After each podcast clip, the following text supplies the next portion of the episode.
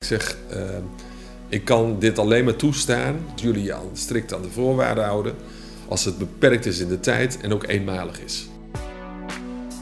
Welkom bij de Public Affairs Academie podcast. Vandaag spreken we met Jan de Vries, oud Tweede Kamerlid voor het CDA, oud-directeur van de organisatie MEE, bestuurder bij CNV en sinds kort burgemeester van Sliedrecht. We gaan vandaag in gesprek met Jan over corona, lokaal ondernemerschap, het vertrouwen in de overheid, in de lokale overheid, de gemeenteraadsverkiezingen, maar ook hoe dit nieuwe kabinet kijkt naar gemeenten. Jan, van harte welkom. Ik mag Jan zeggen, uh, hebben we afgesproken aan de voorkant. Uh, we kennen elkaar wat al langer. Uh, hartelijk welkom bij deze Public Affairs podcast, Public Affairs Academie podcast. Aan al onze gasten vragen we eigenlijk: wat is de actualiteit die voor jou het meeste opvalt in de afgelopen week, weken? Ja, dankjewel Marielle ik, voor die vraag. Uh, nou, dat komt allereerst bij mij boven, en dat is iets waar ik dagelijks mee bezig ben, is van, vanzelfsprekend de coronacrisis. Dat staat hoog op de agenda bij iedere burgemeester en dus ook bij mij als burgemeester van Sliedrecht. En uh, net zoals iedere burger word je natuurlijk geconfronteerd met de gevolgen daarvan. Maar je beseft ook wel te degen dat je ook een extra verantwoordelijkheid hebt voor, het, uh, voor de gezondheid en de veiligheid in je eigen gemeente. En voor het uh, naleven van de maatregelen die zijn gekozen door de regering. Ja, en dat is een voortdurend gesprek. Hè. Vanmorgen werden er bijvoorbeeld nog door, door een van onze raadsleden vragen gesteld over de QR-code in het zwembad. Iets wat ook bij veel ouders en en ook bij het zwembadpersoneel vragen oproept. Uh, maar ook uh, heel actueel zijn we natuurlijk ook bezig met de vraag van ja, er is nog er is meer ruimte gekomen, meer ruimte gekomen voor onze winkeliers en bij onze kappers en andere, andere dienstverleners. Maar er is ook heel veel behoefte aan meer ruimte bij de horeca, in de cultuursector.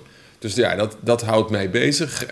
hoe kun je enerzijds deze, deze ondernemers, deze, deze, deze mensen die werken in de cultuur, hoe kun je die ondersteunen en tegelijkertijd ook uh, helder zijn in wat er nodig is om zoveel mogelijk ook het virus in te dammen. En dat is balanceren voor iedere burgemeester. De, en, en, tegelijkertijd vind ik dat ook wel heel mooi aan het ambt, dat je die meerdere verantwoordelijkheden daarin hebt. En uh, ook dat je zoekt naar een goede balans in je eigen gemeenschap, in je eigen gemeente. En ook niet wegloopt voor de verantwoordelijkheid die je hebt daarin. En voor onze luisteraars die Sliedrecht niet kennen, kan je Sliedrecht kort typeren? Ja, ja, dat zou natuurlijk heel bijzonder zijn als er nog luisteraars zijn die Sliedrecht niet kennen. Maar Sliedrecht eh, is gelegen aan de Beneden Merwede. En een gemeente van ruim 25.000 inwoners, onderdeel van de Drechtsteden. Uh, kenmerkt zich eigenlijk door watergerelateerde bedrijvigheid al van oudsher uh, actief in de baggerindustrie, maar inmiddels op vele andere verwant, actief op in vele andere verwante sectoren. Dus uh, een, een, een, gemeente met een grote bedrijvigheid en een sterke gemeenschapszin. En dat is eigenlijk hoe je het Sliedrecht kunt, kunt typeren. bedrijvigheid die veelal ook internationaal vermaard is in, in de waterbouw. En daar zijn we trots op. En dat dat bepaalt ook het karakter van onze gemeente. En, en je zegt hè, onderdeel van het rechtsteden. Ja. Betekent dat jullie ook gezamenlijk optrekken, bijvoorbeeld richting Den Haag? Ja, ja klopt. In, de, in, onze, in onze belangenbehartiging uh, trekken wij samen op. Zeker waar het gaat om ruimtelijke economische thema's. Uh, dus waar het gaat om bijvoorbeeld ook uh, de bereikbaarheid in ons gebied trekken we gezamenlijk in op. Ook waar het gaat om de woningbouwagenda die we hebben. Daar proberen we ook samen in op te trekken om gezamenlijke prioriteiten te stellen. Uh, maar evenzeer waar het gaat om economisch, uh, uh, op het economisch terrein en het belang van hoger onderwijs in onze regio enzovoort. Dus dat zijn allemaal thema's die we gezamenlijk oppakken in de beleidsvorming, maar evenzeer in de belangenbehartiging richting de provincie Zuid-Holland, richting Politiek Den Haag. En overigens doen we dat niet alleen als bestuurlijke partijen, hè, dus de zeven gemeenten die samen de Drechtsteden vormen, waaronder waaronder Dordrecht als centrumgemeente. Nee, dat doen we ook met de, het actieve, met het bedrijfsleven in onze, in onze regio. Daar zijn we partners in. Ja. Oké.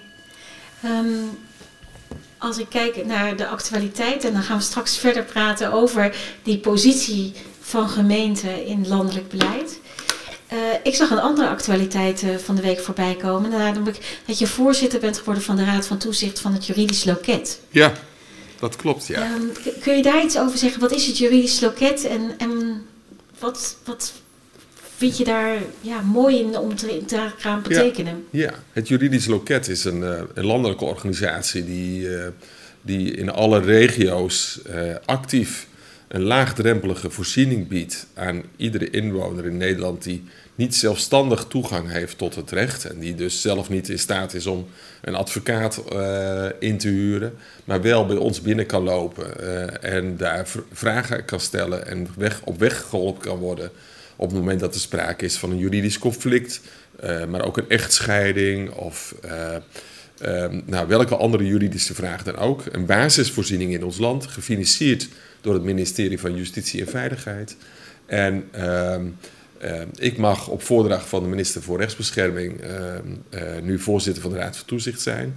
En dat vind ik eigenlijk wel heel mooi, want daarmee maak ik, eh, kan ik bijdragen aan de toegang tot het recht voor mensen voor wie dat niet vanzelfsprekend is, die die weg zelf niet weten te vinden of geen financiële mogelijkheden hebben om dat te doen. En eh, ja, dat is eigenlijk wel een rode draad ook in mijn eh, in mijn werkzame leven. Dat ik voor mensen die niet zelfstandig in staat zijn om te participeren in onze samenleving, mee te doen op allerlei fronten, dat we die ondersteuning en, uh, bieden en ook uh, extra faciliteiten bieden om toch, uh, toch, te, toch in dit geval ook het recht te krijgen, zeg maar, waar, ze, waar ze recht op hebben, laat ik het, laat ik het maar zo zeggen. Dus dat, is, ja. dat past bij mijn, mijn persoonlijke missie. Het sluit aan op wat ik eerder heb mogen doen als lid van de Tweede Kamer. Maar ook als directeur van de organisatie MEE. Uh, die ook er is om mensen met een beperking mee te laten doen. Dus ik ben, ben blij met die nieuwe rol en verantwoordelijkheid. En ook wel een bijzonder moment natuurlijk. na alles wat we hebben gehoord vanuit de toeslagenaffaire. En eigenlijk het belang van toegang tot recht en ja. je recht halen. Zeker. Kan ik me voorstellen dat ook het momentum een hele bijzondere is. Daar heb je gelijk in. We hebben helaas in de afgelopen jaren gezien dat uh, heel veel Nederlanders die daar wel heel erg veel behoefte aan hadden, niet die toegang hebben gehad. ook te maken hebben gehad met, met uitvoeringsorganisaties die, voor wie het systeem leidend was en niet de menselijke maat. Um, en ja, dan, dan besef je te degen dat die toegang tot het recht, maar ook een ander, andere vorm van dienstverlening vanuit de overheid en de uitvoeringsorganisatie hard nodig is om tot een rechtvaardig be uh, beleid te komen. En dat bepaalt mij niet alleen dus als raad van toezichtvoorzitter daarbij, maar evenzeer als burgemeester, die ook tegelijkertijd verantwoordelijk is voor de dienstverlening van de eigen organisatie. Dus ja. Ehm, je beseft ook wel dat uh, wat, je, wat we hebben gezien bij de toeslagenaffaire, zich niet beperkt uh, tot dat domein, maar evenzeer een vraagstuk is voor gemeenten, provincies en andere, andere uitvoeringsorganisaties, het UWV, noem maar op, om te kijken van ja, hoe hebben wij ons systeem, onze werkwijze ingericht? Luisteren wij wel degelijk naar wat voor signalen wij krijgen van onze cliënten, van onze burgers? Uh, durven wij maatwerk te leveren? Durven we af te wijken van de regels op het moment dat we dat rechtvaardig en nodig vinden. Nou, dat gesprek voer ik in mijn eigen gemeente. Maar is evenzeer ook de reden waarom ik heel graag dus ook aan het juridisch loket verbonden ben. Omdat ook de ervaring en de kennis van het juridisch loket ook de overheid kan helpen om ook daarin te leren. En ook zichzelf ook de spiegel voor te houden van waar kunnen we beter zijn in onze dienstverlening. Ja, wat een mooie uitdaging zoals je dat omschrijft. Prachtig. Zeker. Um, in de afgelopen periode uh, is onder andere Sliedrecht, maar ook andere steden uh, in het nieuws geweest. In de positie van hoe uh, om te gaan met corona, met de regels van corona. Wat wel open, wat niet open. Um, nou, dat soort zaken. En ook jij, in jouw gemeente is dat aan de orde geweest. Um, ik wil eigenlijk daar vooral eigenlijk naar kijken met je. En ook naar hoe je kijkt naar dit regeerakkoord vanuit de positie van de gemeente. Maar laten we eerst bij die coronamaatregelen uh, ja, beginnen, zou ik bijna zeggen. Um, een, een fikse uitdaging, uh, eentje die eigenlijk permanent actueel is, zoals je, zoals je al aangaf. Uh, hoe heb je de afgelopen weken beleefd, waarin we toch elke keer een beetje kijken wat kan wel, wat kan niet? Ja, nou, ik moet eigenlijk zeggen dat ik, uh, ik ben negen maanden burgemeester van Sliedrecht dus ik kwam binnen op het moment dat de coronacrisis in al hevigheid aan de gang was. En met waardering zag ik en zie ik dat, uh, dat het draagvlak voor het naleven van de maatregelen in de gemeente Stiedrecht, net zoals gelukkig in heel veel andere gemeenten, eigenlijk relatief groot was en is. Uh, of ik moet eerlijk misschien met nadruk meer was zeggen dan is, en daar kom ik ook op mijn volgend punt. Maar dat ik wel zie in de afgelopen weken dat het draagvlak daarvoor wel aan het afnemen is. En dat hangt samen met het feit dat, dat wij, en dat herkennen we natuurlijk allemaal bij onszelf, ook de coronamaatregelen meer moe zijn. Hè? Dus dat we ook snakken naar meer ruimte en mogelijkheden om weer elkaar te ontmoeten, uh, actief de samenleving in te gaan, culturele activiteiten te bezoeken, noem maar op. Maar hangt ook samen met het feit dat ook het gevoel van, ja, dat ook de, de ratio achter de maatregelen ook steeds meer ter discussie staat. Uh, en in de derde plaats ook de ondernemers die met name uh, de gevolgen van die maatregelen ondervinden. Ook aan het einde van hun Latijn zijn, ook het water aan de, tot aan de lippen staat. Uh, soms ja, ook de, de, eindjes aan elkaar moeten knopen om nog te kunnen overleven. ze hebben al veel keer, veel, vele keren bij eerdere lockdowns moeten interen, interen op hun vermogen. Soms ook een pensioenpotje moeten opeten en noem maar op. steun moeten zoeken, niet alleen bij de overheid, maar ook bij, bij familieleden en anderen.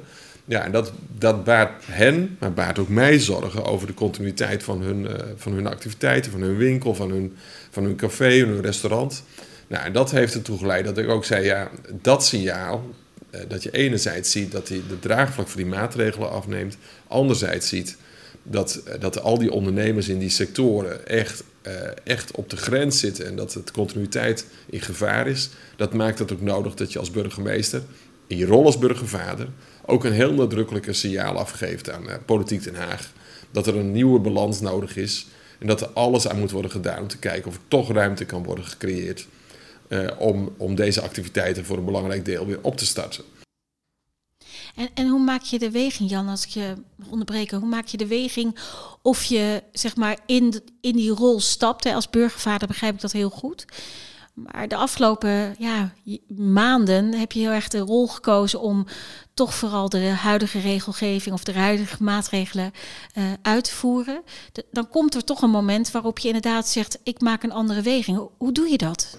Nou, ook vooral een andere weging publiekelijk. Hè? Want de zorgen over de continuïteit van de, uh, de ondernemers uh, enzovoort is wel eerder geuit, maar die hebben we als burgemeesters uh, en ik zelf ook zeg maar meer via de binnenlijn ook geuit. Wat ik nu voor heb gekozen, uh, nadat ook nadrukkelijk ook een pleidooi ook van lokale ondernemers, dat ook nog werd, uh, werd neergelegd bij mij, maar niet alleen bij mij, ook via andere media, allerlei media, ook landelijk, gezegd dat wil ik ondersteunen. Ja, dat, dat is eigenlijk dat. Dat was wel even zoeken naar van is dit het goede moment? wat betekent op het moment dat een burgemeester deze oproep doet om die ruimte te creëren voor onze ondernemers. Wat betekent dat vervolgens voor het draagvlak waarvan je al ziet dat dat aan het afnemen is? Ja, en toch dacht ik, uh, en denk dat dat een goede keuze is geweest, dat het toch nodig is om dat publieke signaal af te geven. Want je hebt ook een rol en verantwoordelijkheid in het verwoorden, in het verwoorden wat, wat leeft in je lokale samenleving. Uh, en tegelijkertijd te blijven uitdragen dat je natuurlijk ook wel doordrongen bent van het feit dat het virus nog op allerlei manieren aanwezig is, alleen maar meer aanwezig is misschien. Uh, dat je ook doordrongen bent van het feit dat we daarom ook uh, de maatregelen die er zijn zoveel mogelijk naleven. Dat je ook beseft uh, dat het belang van de ondernemers één ding is en van de wens van onze, onze, onze burgers, maar tegelijkertijd ook andere belangen een rol moeten spelen in die afweging. En dat je die ook daarmee ook het belangenafweging van het kabinet respecteert. Nou, ik vind. Dus in, je bewoordingen kies je daar, daar evenwicht, een evenwichtige bewoording in. Tenminste, dat heb ik gepoogd. Maar ik besef terdege, en dat merk ik ook wel in, de, in mijn gesprekken in de, in, uh, met de ondernemers en inwoners van Sliedrecht, dat men vooral natuurlijk hoort dat je vindt dat de maatregelen verruimd moeten worden. En uh, dat dat mogelijk ook dus wel uh, het draagvlak voor diezelfde maatregelen kan, kan, ondergraven. Op het moment dat er geen perspectief is op meer ruimte. Nou, de, ehm, tegelijkertijd denk ik ook dat de, keuze om hier publiek een pleidooi voor te houden, een brief van het kabinet te schrijven, uh, in de media je daarover te uiten. Dat stond natuurlijk niet op zichzelf. Je zag eigenlijk hetzelfde patroon ook in andere gemeenten, maar ook maatschappelijke organisaties, brandsorganisaties, uh, die eigenlijk toch meer gezamenlijk dat signaal ook lieten horen in de verwachting en de hoop ook dat het kabinet daarin ook een beweging kon maken. Op het moment dat je als burgemeester dit uit en je hebt niet de verwachting dat er ook ruimte zou kunnen ontstaan, dan wordt het misschien wel ingewikkelder. Ja. ja. En eigenlijk zei je net al, Jan, dat eigenlijk je heel groot deel ook via de rechtsteden doet. Is dit ook zo'n traject waar je dan samen met elkaar optrekt in het momentum waar je met dat signaal naar buiten gaat en hoe je naar buiten gaat? Nee, in dit geval, eh, dat heb ik natuurlijk wel eh, ook besproken met de collega's. Kunnen we dit gezamenlijk doen? Nou, daar, daar werden we het niet helemaal over eens. Dus dat is ook de reden geweest waarom ik daar ook zelfstandig in de buiten ben getreden. Overigens zijn we het allemaal wel eens over de vraag van wat er nodig was en is. Uh, maar meer de vorm zeg maar, waarin je dat doet verschilde. En ook, uh, ja, het vraagt dat, je hebt natuurlijk als burgemeester ook te maken met je eigen college, met je eigen gemeenteraad. Dus iedere setting is ook anders. En dat begrijp ik ook heel goed. Dus uh, ja, dat heeft voor mij, bij mij ertoe geleid dat ik er zelf voor heb gekozen om zelfstandig als Sliedrecht en namens Sliedrecht een brief van het kabinet te sturen. vervolgens zijn andere gemeenten daar ook weer in gevolgd op andere manieren en met andere type brieven en andere uitingen. Dus het, doel was uh, gelijkluidend, maar de vorm die we kozen was verschillend. Dus in dit geval is dat niet regionaal opgepakt. Oké, en nou, ik zag de waardering van de ondernemers in je stad. Ik, als ik de mediaberichten lees. Um, je gaf net ook al een beetje aan van ja, tot die tijd hebben we vooral de interne lijn bewandeld. Dit was er eentje om naar buiten te treden, om ook het signaal namens de bewoners, uh, bedrijven, ondernemingen, raad af te geven. Ja. Uh, hoe daarna ga je verder? Je hebt dat momentum gekozen. Pak je dan toch weer de interne lijn ook op? Uh, jazeker, die is er ook. En die is er via, uh, allereerst loopt die op dit terrein via de veiligheidsregio en het veiligheidsberaad. Hè. Onze veiligheidsregio Zuid-Holland-Zuid is vertegenwoordigd in het veiligheidsberaad via de, de, de voor, onze voorzitter Wouter Kolf, burgemeester van Dordrecht. Dus dat is het gesprek wat je met hem en de andere collega's voert. De inbreng wat, wat, je, wat je daar ophaalt, brengt hij weer in, in het veiligheidsberaad. Dus dat is de interne lijn. Uh, ja, en daarnaast uh, is het goed om te zien natuurlijk dat die ondernemers dat op prijs stellen. Dus het is ook goed dat je laat dat, je, dat zij zich ook, ook vertegenwoordigd voelen, zeg maar, ook door hun burgemeester.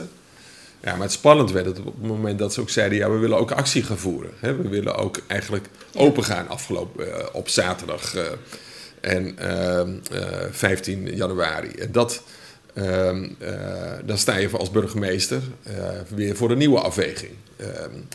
Uh, dus het pleidooi voor meer openstelling is één ding. Uh, daar heb je een weg in gekozen. Maar vervolgens zeggen die ondernemers...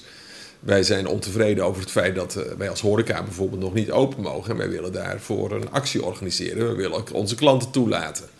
Nou, dat, ehm, dat was evenzeer een ingewikkelde afweging. Omdat je eigenlijk op dat moment moet zeggen... ja, we hebben de maatregelen en heeft iedereen zich aan te houden. maar in dit geval heb ik er toch voor gekozen om in een beperkte tijd, uh, in een beperkte vorm, uh, onder nadere door mij goedgekeurde voorwaarden, uh, zeg maar een actie te organiseren en toch klanten toe te laten in hun zaak of op het terras met name. Om daarmee ook hen de mogelijkheid te bieden om op die manier uiting te geven aan hun ongenoegen, hun zorg. En tegelijkertijd onze inwoners de gelegenheid te, geven, om hun solidariteit te tonen met diezelfde ondernemers. Nou, en dat, dat doe je op het moment dat je eigenlijk uh, weet dat je, nou ja, dat, dat je tegelijkertijd dus die maatregelen moet handhaven en tegelijkertijd toestaat dat er eenmalig, in dit geval in mijn ogen als manifestatie, in de vorm van een manifestatie zeg maar, collectieve manifestatie, uh, uh, behoefte is om protest te uiten en de proteststem te laten horen. Ehm, en, en waar eindigt dat dan? Want we hebben op dit moment dat wij elkaar spreken, uh, is de culturele sector nog niet open en de horeca ja. ook niet. Ja. Um, ja. Nou ja, hoe ver beweeg je mee eigenlijk met je, met je achterban, om maar even zo te zeggen, met, met je nee, bewoners, ik, met je ondernemers? Ik ben heel, ik bedank je, dat is een hele goede vraag. Ik ben heel helder geweest. Ik zeg, uh, ik kan dit alleen maar toestaan. Uh, ik zie dit als een demonstratie, als een manifestatie en ik kan het alleen maar toestaan als jullie je strikt aan de voorwaarden houden als het beperkt is in de tijd en ook eenmalig is. Uh, want op het moment dat, het, dat dit een vervolg gaat krijgen, ja, dan gaan we eigenlijk indirect eigenlijk toch een openstelling van de, van de, van de horeca of de culturele sector zeg maar, organiseren. En dat is nou juist niet de bedoeling. Dus ik zie het ook echt alleen als een eenmalige protestactie. En ik, op het moment dat er nog nieuwe activiteiten worden ondernomen, terwijl daar formeel de ruimte niet voor is, zal ik ook direct tot handhaving overgaan. Daar ben ik helder over geweest naar de ondernemers en ook naar onze Sliedrechtse samenleving. Uh, en ik denk dat dat ook nodig is. Eén, omdat die maatregelen zijn er niet voor niets. Hè. Op het moment dat wij met te veel mensen nu te snel allemaal weer op allerlei plekken samenkomen, uh, levert dat echt gezondheidsrisico's op.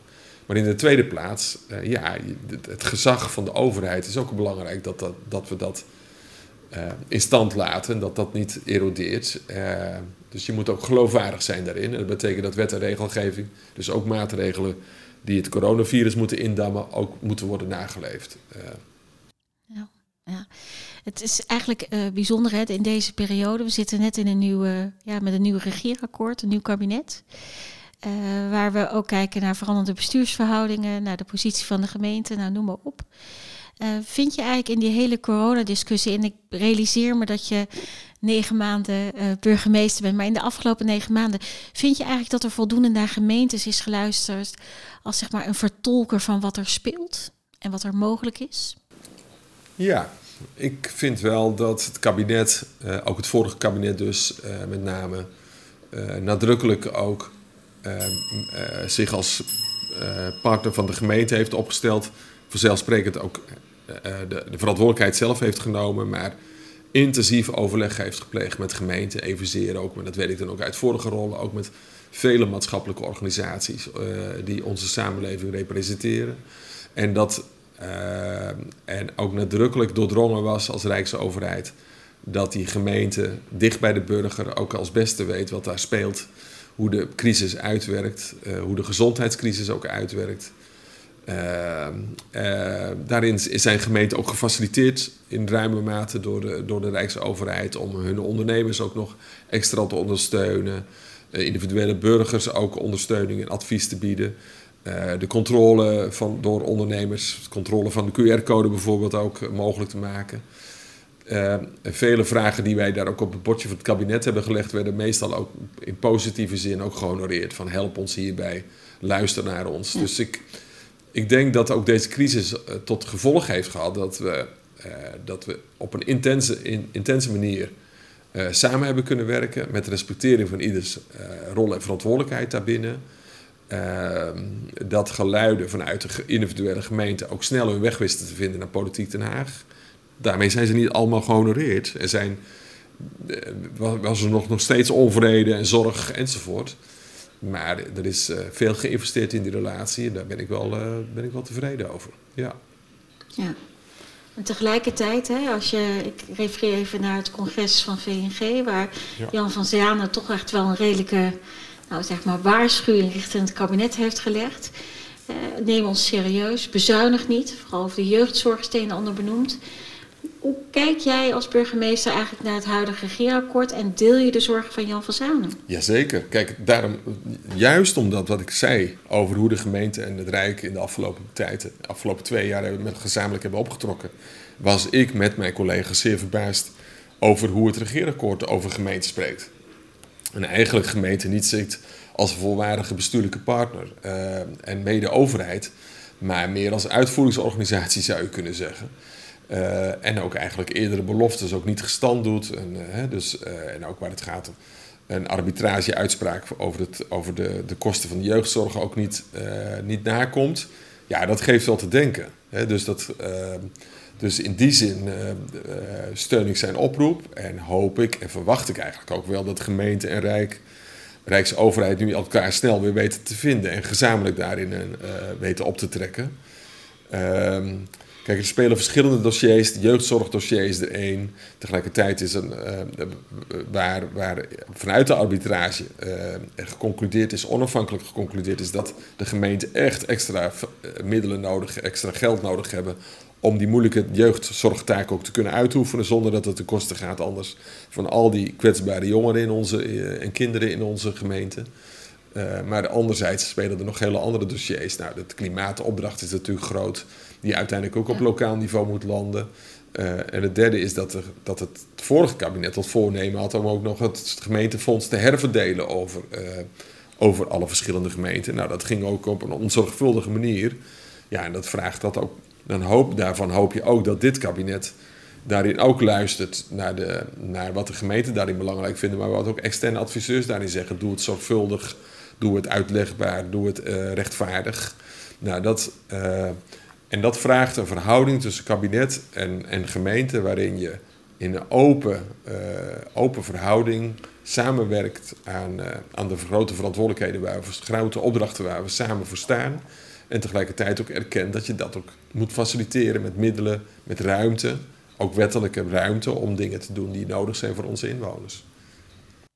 En dat is misschien ook wel het verbazingwekkende, Jan, dat aan de ene kant uh, de Rijksoverheid, de, kabinet, de gemeente zo hard nodig heeft gehad in de afgelopen jaren, als we kijken naar de coronacrisis. En tegelijkertijd dat je eigenlijk als gemeente nu moet constateren dat je misschien eerder wordt gezien als een uitvoeringsorganisatie dan als een partner in crime.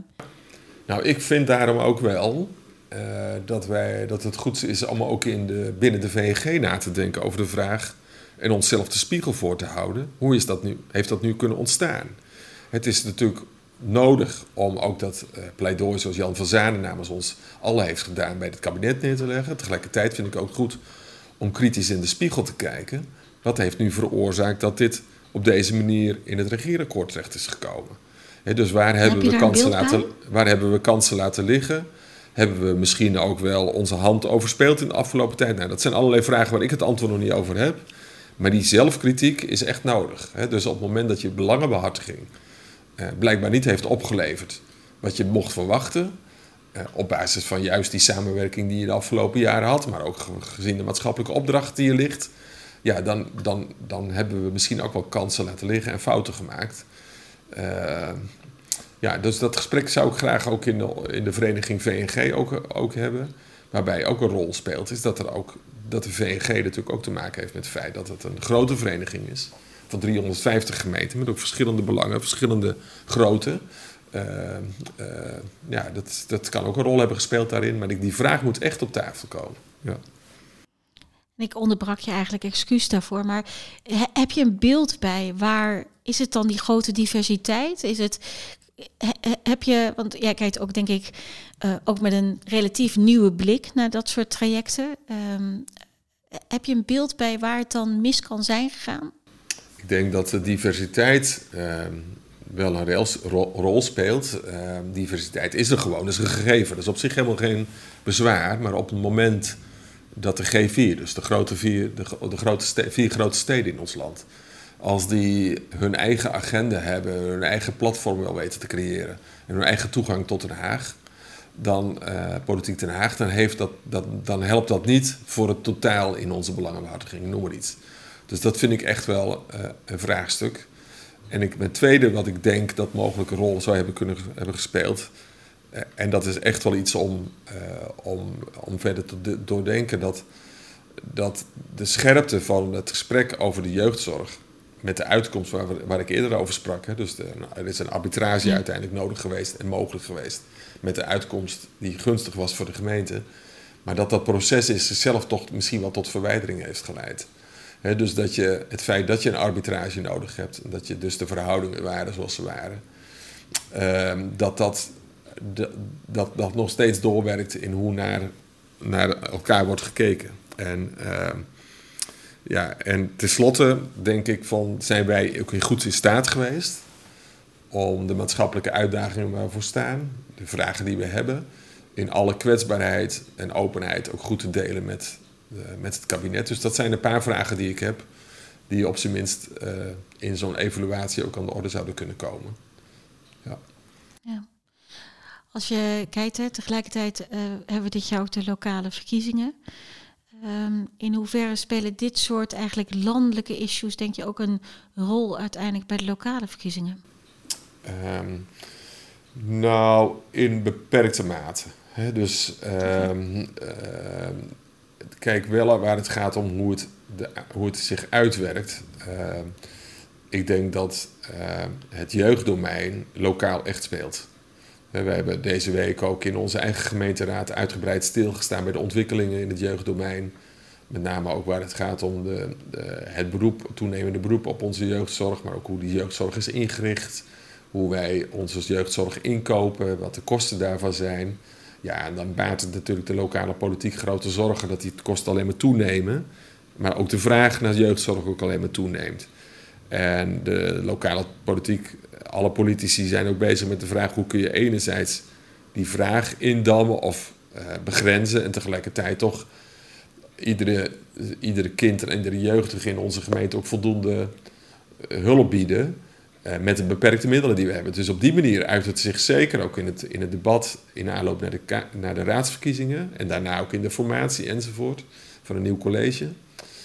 Uh, het zal ook op een andere manier denk ik tot uitdrukking komen waar het gaat om de, de, de energietransitie. Daar hebben natuurlijk alle gemeenten in hun regio, met hun regio ook al plannen voor moeten inleveren bij het vorige kabinet.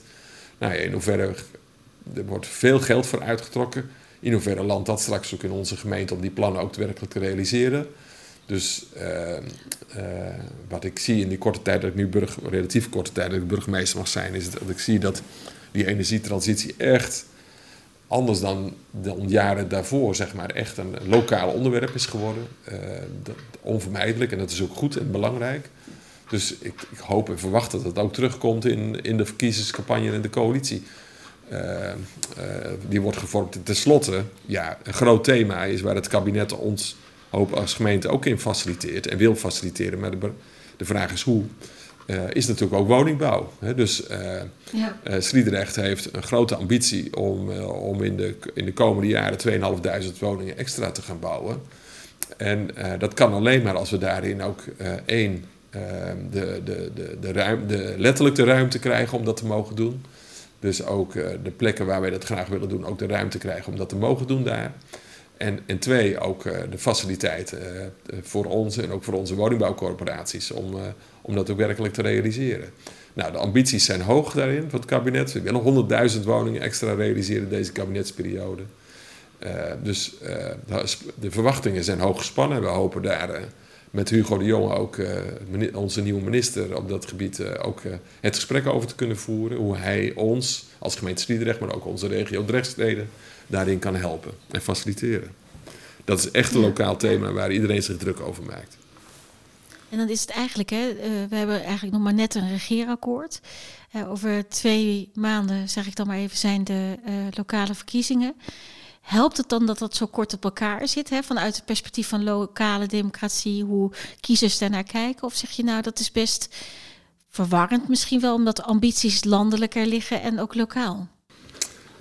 Nou, kijk, de uitwerking van dat regeerakkoord op de punten die ik zojuist noem, ja, die is, ligt er natuurlijk nog niet. Hè. Dus uh, nee. tegelijkertijd denk ik dat dat op zich niet bezwaarlijk hoeft te zijn, want uh, om in te spelen op wat het kabinet een mogelijkheden biedt of ondersteuning biedt, moet je zelf ook je plan op orde hebben. He, moet je dus zelf je visie hebben, klaar hebben, moet je weten wat je wil. Nou, in Sliedrecht hebben we dat gelukkig op orde. We hebben onze visie op de ruimtelijke visie uh, eind vorig jaar vastgesteld. We, we, weten wat we willen waar het gaat om woningbouw, uh, klimaatadaptatie enzovoort. Uh, dus daarmee ligt er wel een lokale agenda. En is het niet geen probleem dat het kabinet iets later van start gaat. Wat, we, wat ik wel lastig vind, is dat eigenlijk het vertrouwen in de overheid op een dieptepunt zit. Hè. Het vertrouwen in de, Rijksoverheid, maar daar heeft ook de gemeente last van.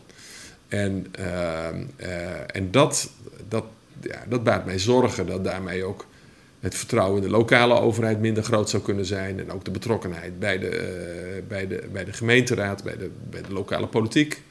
Uh, en dus ook misschien de behoefte om ook je stem te uiten. Dus uh, ja, mijn pleidooi is ook in de komende tijd lokaal ook. Om dicht, als, als lokale politici, ook dicht bij die burger te gaan staan. En tegelijkertijd ook ja, een dringende oproep om als burger ook je, je verantwoordelijkheid te nemen, te gaan stemmen en dergelijke. Nou, op die manier, ja, die lokale politiek moet als geen ander zeg maar, in staat zijn om die verbinding met, de, met, de lokale, met onze eigen inwoners wel te maken. Nou, en daar moeten we denk ik nu extra hard ons best voor doen, gezien alles wat er uh, in de politiek in de afgelopen tijd heeft gespeeld. Vertrouwen wat is gedaald. Uh, we spraken al even over de toeslagenaffaire, wat dus impact heeft gehad op, op, op heel veel Nederlanders, dus ook inwoners van Sliedrecht. Ja, dan moeten, we dus, moeten wij extra ons best doen om die verbinding met onze inwoners weer te maken. Ja. ja. En een van de andere thema's, hè, aan de ene kant staat dus eigenlijk het, het ja, dieptepunt qua vertrouwen.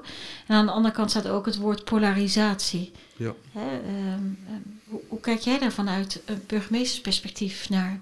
Ja. Ervaar je dat ook in Sliedrecht? In, uh, ja. ja, uh, zij het in relatief beperkte mate nog. Uh, Gelukkig maar. En het, uh, zeker. En het uitzicht op verschillende manieren. Het uitzicht vooral ook online. Als ik soms ook het debat en de gesprekken online zie over dingen die in Sliedrecht spelen, zie je die polarisatie daarin terug. Ik, ik, vind het heel belangrijk dat, dat verschillende meningen ook gehoord kunnen worden, ook in onze lokale samenleving, ook in onze gemeente Sliedrecht. Uh, we hebben al afgelopen week al drie keer daar maar ook, en heb ik ook graag ruimte aangeboden, een demonstratie gehad tegen de coronamaatregelen voor meer vrijheid, zoals de demonstranten ook roepen. Uh, dat is ook, dus voor polarisatie is het ook nodig, om de, en tegengaan daarvan is het ook nodig om ook ruimte te bieden voor die verschillende geluiden. Maar vooral ook het gesprek daarover te organiseren. Dat laatste vind ik overigens het meest ingewikkeld. dus, uh, want ook, eh, zeker online is het gesprek hoegenaamd niet mogelijk, want er worden grote woorden gebruikt. Daar mogen we echt elkaar wel meer, meer op aanspreken. Uh, maar ik denk ook dat tegelijkertijd ook de groepen, ook zelfs in een gemeenschap als die Sliedrecht, die verschillende groepen elkaar maar weinig spreken over elkaars motieven, elkaars uh, meningen. En dat puzzelt mij wel als burgemeester hoe ik dat ook nog zou kunnen bevorderen en daar ook zelf onderdeel van zou kunnen zijn of leiding aan zou kunnen geven. Uh, ja, dat kan ik me voorstellen. Ja. Je wil eigenlijk hè, vanuit het gebrek van vertrouwen, wil je, dat, vraagt bijna vanzelfsprekend om een herstel van vertrouwen, waar ook die dialoog weer nodig mogelijk is. Dus het houdt elkaar ook een beetje vast. Zeker, zeker. Uh, maar ja, je moet ergens beginnen. En dat, moet eigenlijk misschien, of het kan best, denk ik, het beste lokaal, heel kleinschalig beginnen. En, uh, en niet alleen als gemeentebestuur of als burgemeester, maar misschien ook wel met de maatschappelijke organisaties die in onze gemeente actief zijn. Je hoort in wat ik nu zeg dat ik daar nog echt wel zoekende in ben om dat vorm te geven. Want ik spreek die afzonderlijk, die organisaties wel afzonderlijk. Maar ze komen allemaal niet, dat kan ook door corona nu minder makkelijk. Hè. Ze komen niet met elkaar goed in contact. Uh, uh, dus hoe kun je een, gesprek antimeren? Uh, geen debat dus, maar een gesprek antimeren over de zorgen die er zijn, die je leven. Natuurlijk breed leven, maar waar sommige inwoners verschillende keuzes mogen en kunnen maken. Uh, nou ja, misschien helpt het ook soms ook wel om uh, de gemeenschappelijke zorg te agenderen. He, zo word ik eigenlijk steeds meer bepaald bij wat ik nu zie uh, op, over, de, voor de, over, in, over de effecten die de coronacrisis heeft op onze kinderen, op onze jeugd. Ja, laten we een thema zoeken waar we juist de verbindingen in kunnen vinden, de zorg uh, daarvoor. En dat helpt misschien ook wel op het goede gesprek te voeren en ook niet tegenover elkaar te kunnen komen staan. En wat ik merk is dat, uh, dat kerken, jongerenorganisaties en anderen ook graag bereid zijn om daar ook in mee te doen. Uh, dus uh, zoek niet het gesprek over wat ons verdeelt, maar kijk vooral ook of je het gesprek kunt voeren en zoeken naar de oplossingen en actieve medewerking aan het oplossen van vraagstukken waar iedereen de noodzaak van ziet dat, dat daar iets moet gebeuren. Dat is denk ik waar ik nu aan, aan denk. Ja. En ik, hoor je daarmee eigenlijk ook zeggen: het is niet een kwestie van morgen oplossen, maar het vraagt ook een te lange termijn inspanning. Zeker, zeker. En ook vooral ook uh, uh, een inspanning niet alleen van de gemeente, maar van de hele samenleving. En ja, ja dat, in, in alles wat ik uh, zeg en spreek, in de nieuwjaarstoespraak die ik mag houden, online helaas, ja, probeer ik die oproep ook wel te doen. Ik versterk wat ik zie en ik onderstreep uh, wat ik zie aan, uh, aan harmonie en gemeenschapszin in onze lokale gemeenschap. En doe ik tegelijkertijd een appel aan diezelfde gemeenschap om ook zelf de verantwoordelijkheid daarin te nemen. En ook de mooie voorbeelden die daarin al zichtbaar zijn, ook uh, breng ik naar boven. Dus kijk, wij hebben als Sliedrecht niet, gelukkig niet te maken met een gebrek aan gemeenschapszin. Het is een actief maatschappelijk middenveld. Dus we hebben ook een sterke basis om voor op voor te bouwen. Dat maakt denk ik ook dat, dat die extreme die we in die polarisatie op vele fronten in ons land zien, eigenlijk in Sliedrecht, maar die beperkte mate, mate zichtbaar zijn. En tegelijkertijd moet je daar al let op zijn om ze vroegtijdig te zien, maar ook het gesprek daarover te voeren. Overigens, om die polarisatie tegen te gaan, was ook wel een van de redenen waar we net al over spraken voor mij, om ook soms een uiting te bieden, de, uiting, de mogelijkheid om een uiting aan die woede en onvrede ook te bieden. Zoals de horeca die graag dan dat wilde uh, doen op, op 15 januari. Uh, dus als je dat op dat moment verbiedt, kan dat, kan dat die polarisatie en alleen maar uh, zou dat kunnen versterken. Ja. Nou, daar, daar zoek je balancering en zoek je in, een weg in. Ja. Ja, het is ook best wel een dun touw waar je eigenlijk voortdurend op balanceert. Hè? Je wil dat, dat merk je eigenlijk wel breder natuurlijk in de politiek. Ehm, ook uh, hier vanuit het Haags, wat je ziet gebeuren aan demonstraties. Uiting geven aan, tegelijkertijd wel kunnen beperken dat er niet uh, polariseert. Het, is, het is, lijkt mij ook als burgemeester soms best een dun touw waarop je Zeker. loopt. Zeker, omdat je ook die verschillende rollen en verantwoordelijkheden hebt, verschillende petten. Ehm, eh, en ook uh, toch naar jou wordt gekeken, ook in je rol als onafhankelijke, neutrale burgemeester, die uh, ook burgervader is, maar ook moet normeren en ook soms moet handhaven. Dat laatste, normeren, handhaven, kan natuurlijk ook gewoon in wat je zegt. dat, en dat begint ook gewoon in de gemeenteraad. Dus ik ben ook erg alert op, op, op hoe, elkaar, hoe we elkaar daar bejegenen. het debat uh, moet ook respectvol gevoerd kunnen worden. Uh, je ziet dat daarin ook soms dingen insluipen die we ook landelijk in de Tweede Kamer zien. Dat, en dat is niet alleen in Sliedrecht zo, dat zie je eigenlijk op veel fronten in democratisch. In vertegenwoordigde organen, dus ook in de gemeenteraad van Sliedrecht. En ja, daar, daar spreken we elkaar op aan en daar spreek ik de raadsleden op aan. Om het vooral over de inhoud te hebben, niet over elkaar. Uh, en dat, gelukkig uh, wordt dat ook geaccepteerd en wordt de, probeert men daar ook uh, op een goede manier ook inhoud aan te geven. Ja. ja. Um, we gaan op weg naar de gemeenteraadsverkiezingen. Hoe ziet zo'n route eruit voor de burgemeester voor de komende maanden?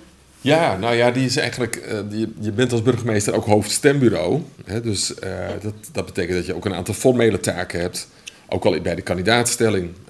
Hè, dus het Volgende week uh, moeten de kandidatenlijsten worden ingediend. Die worden beoordeeld door mij en de mede andere leden van het stembureau.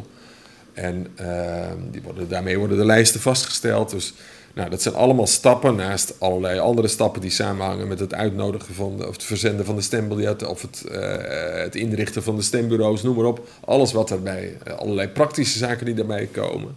En tegelijkertijd denk je natuurlijk ook, maak je ook mogelijk dat het in voorbereiding op die verkiezingen uh, goede debatten kunnen plaatsvinden. Dus dat faciliteren we voor een deel als gemeente. Daar ben ik ook als burgemeester verantwoordelijk voor. Maar ook niet zozeer voor die debatten zelf, maar wel dat ze tot, stand kunnen komen. Maar ook dat, dat, dat, uh, dat de burgers van Sliedrecht ook worden opgeroepen en gemotiveerd om te gaan stemmen, wat ik net al zei.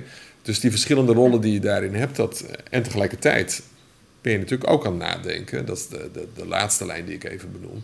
Van ja, er komt straks een nieuwe raad hoe kunnen we die raadsleden ook voldoende eh, ondersteunen, trainen in een nieuwe rol? En hoe kunnen we ook het proces van de formatie ook goed vormgeven? dus we werken ook aan een soort uh, overdrachtsdossier en een startnotitie waarmee ook nieuw gekozen raadsleden hun werk kunnen gaan doen. en ook in de coalitieonderhandeling ook dankbaar gebruik kan worden gemaakt om te bepalen wat Sliedrecht in de komende vier jaar nodig heeft. Dus dat zijn de verschillende taken en rollen die je hebt en die, eh, die, waar we nu intensief mee bezig zijn. Als je kijkt straks, als we dan toch maar even vooruitkijken naar 16 maart, op het moment dat we de onderhandelingen plaatsvinden, waar zit dan jouw rol daar? Stap je echt helemaal terug? ja, kijk, in formele zin is mijn rol maar een beperkte. Dus, uh, en, maar ik hoop wel tegen die tijd ook met, uh, met de lijsttrekkers en de dan gekozen fractievoorzitters goede afspraken te kunnen maken over de betrokkenheid van de burgemeester in dat proces. Dat ik op zijn minst ook geïnformeerd word over hoe de verloop is. En soms ook geconsulteerd kan worden. Dat ik ook kan bijdragen aan een goed proces. Uh, misschien ook wel door wat steeds meer gemeenten ook toepassen. Ook een externe informateur, die uh, als onafhankelijk gespreksleider ook zeg maar, kan bijdragen aan het tot stand komen van een coalitie. Nou, dat zijn mogelijkheden die ik, uh, die kan bevorderen en ook ondersteunen. Uh, soms ook kan, kan met de gemeentesecretaris kan zorgen dat ook de goede documenten op tafel liggen. Ja, er zal op enig moment zal ook teruggekoppeld worden naar de burgemeester, schat ik maar voor mij is het allemaal nieuw. Ehm, eh, ja. ja. Ja, wat uh, dat misschien ook ge, getoetst zal worden van nou, dit hebben we voor ogen. Heeft u daar nog op of aanmerkingen bij? Maar dit is ook de portefeuille die we voor ogen hebben. Nou ja, al dat soort dingen, ik ga het ontdekken. En ik hoop daarin... Boeiend. Uh, ja, precies. Het is voor een ex-politicus, moet ik natuurlijk zeggen, ook wel ingewikkeld dat je misschien op afstand zit. Hè, dat je daar niet aan tafel ja. zit. Uh, tegelijkertijd hoort dat nu eenmaal bij de rol en positie van de burgemeester. Maar ik hoop niet dat de afstand zo groot is dat de betrokkenheid 0,0 is. En dat verwacht ik, is Liedrecht ook niet. Nee. Nee, oké, oké.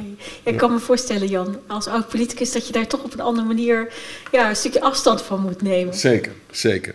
Maar eh, ik denk dat iedere burgemeester graag ook mee, soms mee zou willen praten en meeschrijven. Hè? Dus dat, uh, dat is niet alleen voor oud-politici. Ja, dat, ja. ja, dat denk ik ook. Dat denk ik ook. Um, je gaat een boeiende periode tegemoet. Uh, en ik wens je veel succes en wijsheid. Um, tot slot stel ik altijd de vraag van... Goh, wat zou je onze luisteraars meegeven als kijktip, leestip, uh, podcasttip? Wat ja, voor tip nou, ja, om je, zichzelf... Je zei van ik wens jou wijsheid. En dat brengt mij eigenlijk op het punt dat ik uh, het genoeg heb om op dit moment ook een leergang te volgen. Wijsheid in leiderschap. Die mij helpt om vanuit hele andere perspectieven ook naar mijn leven, naar mijn werk, naar onze samenleving te kijken. Uh, omdat je in dit werk, en dat geldt voor veel werk, ook wat vele luisteraars ook zullen uh, hebben, wordt ingezogen in, uh, in de processen, in de, in de rollen die je hebt enzovoort. En eigenlijk onvoldoende tijd neemt om er eens even bovenuit te stijgen, even uit te stappen en ook even te reflecteren. Nou, wat ik nu in zo'n leergang merk, is dat het mij inspireert en ook helpt om even die rust te vinden. En tegelijkertijd de inspiratie te zoeken bij, ook bij denkers, filosofen en anderen die, uh, die ook uh, nadenken over onze gedragspatronen, maar ook over wat je ziet in de samenleving, wat je ziet in intermenselijke verhoudingen. Uh, en dat, uh, nou, dat is voor mij een verrijking die ook van waarde is in mijn werk als, en ambt als burgemeester. En dat gun ik eigenlijk iedereen. En dat, dat hoeft niet door de leergang te volgen, dat kan ook door een goed boek te lezen. Dat je even een ander perspectief kiest. Niet dat zaak, niet, uh, niet dat traditionele uh, boek wat je misschien altijd al leest, of die roman die ook, ook je helpt soms in een andere wereld te stappen. Maar even een filosoof misschien ook even tot je te nemen. En, uh, en soms ook te ontdekken dat de vragen die zij al, soms al decennia geleden, stelde, eigenlijk nog steeds, nog steeds heel nodig zijn om te stellen ik leer vooral ook vragen stellen daarin, in plaats van antwoorden zoeken. Dus dat, uh, dat is mijn inspiratiebron in deze tijd en dat helpt mij. Dankjewel Jan. En um, nou, we gaan elkaar volgen denk ik. En ontzettend veel dank voor dit hele mooie gesprek. Dankjewel Marielle. Jij ook veel succes.